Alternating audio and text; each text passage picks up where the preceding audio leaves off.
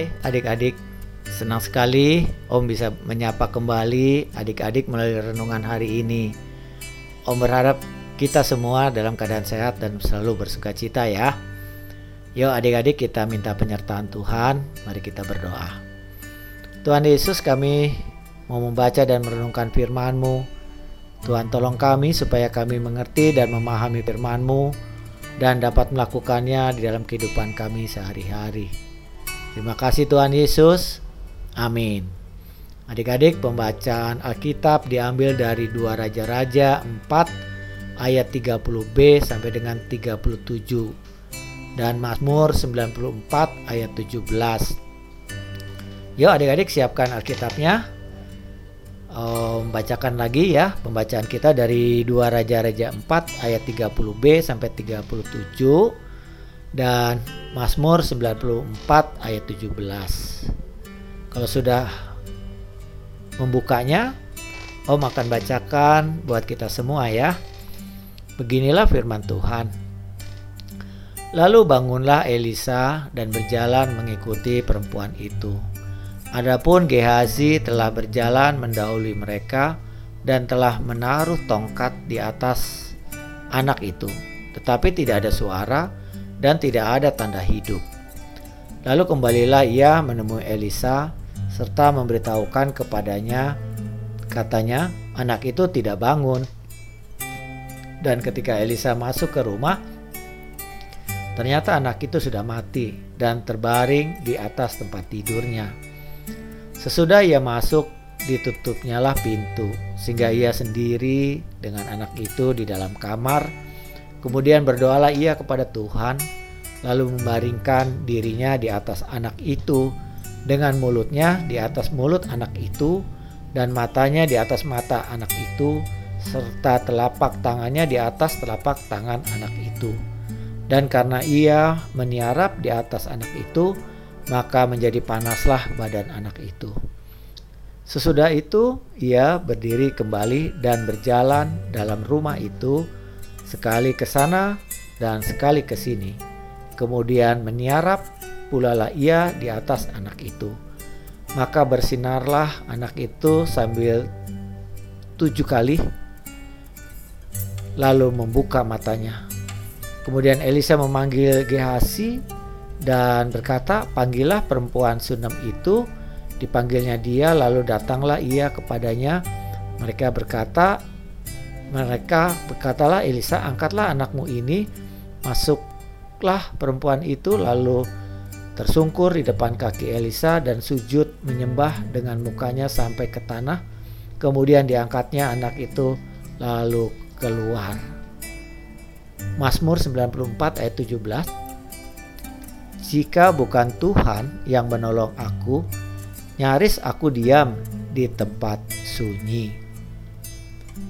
Adik-adik renungan hari ini diberi judul Tuhanlah yang berkenan menolong.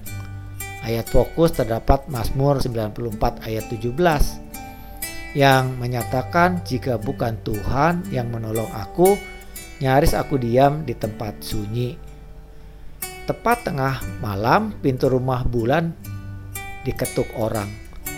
Papa yang kebetulan belum tidur segera membuka pintu.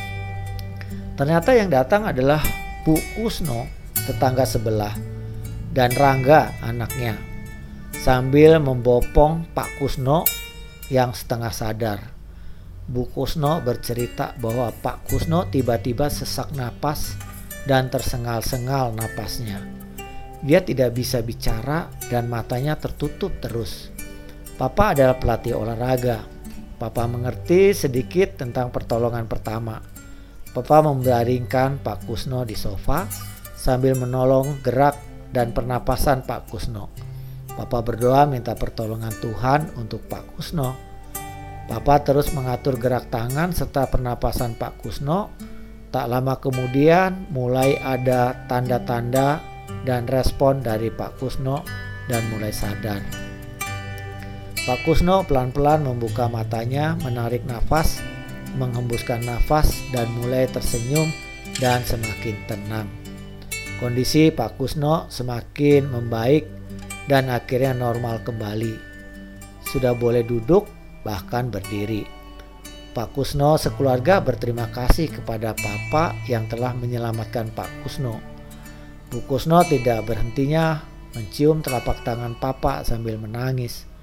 Papa mengatakan bahwa mereka seharusnya berterima kasih kepada Tuhan, sebab Tuhanlah yang menyelamatkan Pak Kusno, bukan dirinya. Adik-adik, benar apa yang kata Papa Bulan. Tuhan yang menolong Pak Kusno melalui Papa Bulan. Jadi bukan Papa Bulan yang hebat ya adik-adik. Tentu Papa Bulan juga keren. Segera memberikan pertolongan pertama buat Pak Kusno. Kuasa Tuhan bekerja melalui Papa Bulan. Segala syukur, pujian, dan hormat hanya bagi Tuhan Yesus. Mari adik-adik kita katakan bersama-sama, aku akan senantiasa bersyukur kepada Tuhan, sumber segala kebaikan. Kita ulang ya, pelan-pelan ya. Aku akan senantiasa bersyukur kepada Tuhan, sumber segala kebaikan. Demikian adik-adik, yuk kita berdoa kembali. Bapa di sorga, ajar kami untuk senantiasa bersyukur kepada Tuhan karena Tuhan begitu baik. Tuhan menolong, memberkati, serta memelihara hidup kami. Terima kasih Tuhan. Dalam nama Tuhan Yesus kami berdoa. Amin. Nah, adik-adik demikian firman Tuhan dan renungan hari ini. Kiranya kita selalu mengingatnya, melakukannya setiap hari.